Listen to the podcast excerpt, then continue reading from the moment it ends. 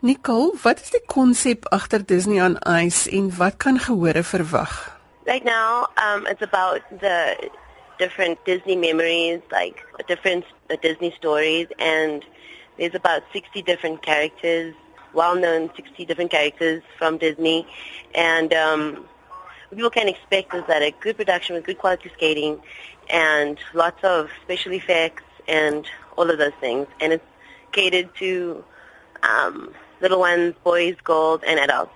Insluit dit die moderne Disney karakters in? Definitely the modern characters and the, the classics as well, yes. Nicole, jy is die enigste Suid-Afrikaner wat deel is van die produksie. Hoe het dit gebeur? Um, I started off with um, training at GrandWest in Cape Town, and um, I just decided that I wanted to show skating as a career, and I have auditioned. I sent through tapes, and not long after I sent through my auditions, I got accepted. En jy skaats al vandat jy 7 jaar oud is. Yes, that's right. Hoe het jy oorgeskakel van uh, figuurskaats na na dansskaats toe? I used to compete. I competed for over 15 years, and I really thought to myself that I wanted to be more of a show skater because that's more of uh, in my element and like to perform and and I felt more comfortable in it, and that's what I chose. I had to go through like drama classes just to have that extra performance level um, for the ice shows. Hoeveel moet 'n mens oefen om hierdie skaatstoertjies te kan doen? We have rehearsals every week, um, just to keep our you know feet on the ice and keep, keep our skill level up. So we train quite often. We skate sometimes after the shows for at least an hour or two hours. Um, that's also an option to us, and of of course like the regular gym training just to keep fit and in shape. En volg jy 'n spesiale dieet? Is daar sekere goed wat jy moet eet vir stamina?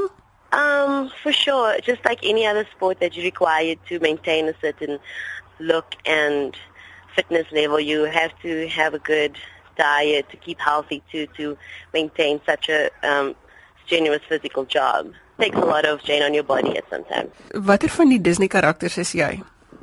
Um, I'm ensemble, so um, in the show I do like um, Mickey's band and um, I mean it's a small world. You will see me out there, but mostly ensemble skating, yes. As 'n mens na die videoproduksies kyk van die vertoning, dan is daar redelike groot en bonkige kostuums. Mm -hmm. Hoe maklik is dit om in hierdie kostuums te skaats?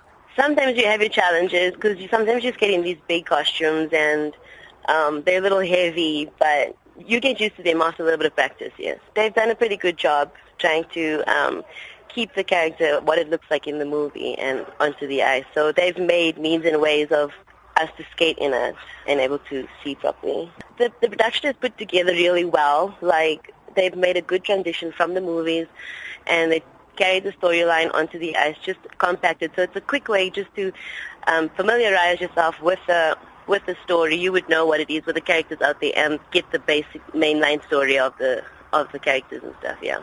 Julle vertonings is nou klaar in Johannesburg en julle is nog tot die 27ste in Kaapstad. Waarheen gaan julle daarna? We finish with tour after Cape Town, so we're on a break for a while. Um I would be going to Japan end of August to get on another show that side. So wat doen 'n skaatser wanneer hulle op 'n breek is? You know, just try to keep in shape, enjoy the holiday because you are away from home for at least like 11 months at a time. So spending time with the family is very vital and important because we don't see them for, for them that long. We normally get like a two to three month break in between show tours. And fundamentally, I'll spend a lot of time with my family and friends. Nicole, sien jy jouself nou al as 'n Amerikaner of is jy nog steeds in Murgenbene Suid-Afrikaner? Oh no, absolutely South African. There's no doubt about that. Wat is jou planne en jou drome vir die toekoms? Um I still want to be in the show industry and show business. Maybe be like a choreography choreographer one day. Maybe in the shows because it's still a big passion of mine to perform. So anything wise, as far as traveling and performing is concerned, um, has my interest.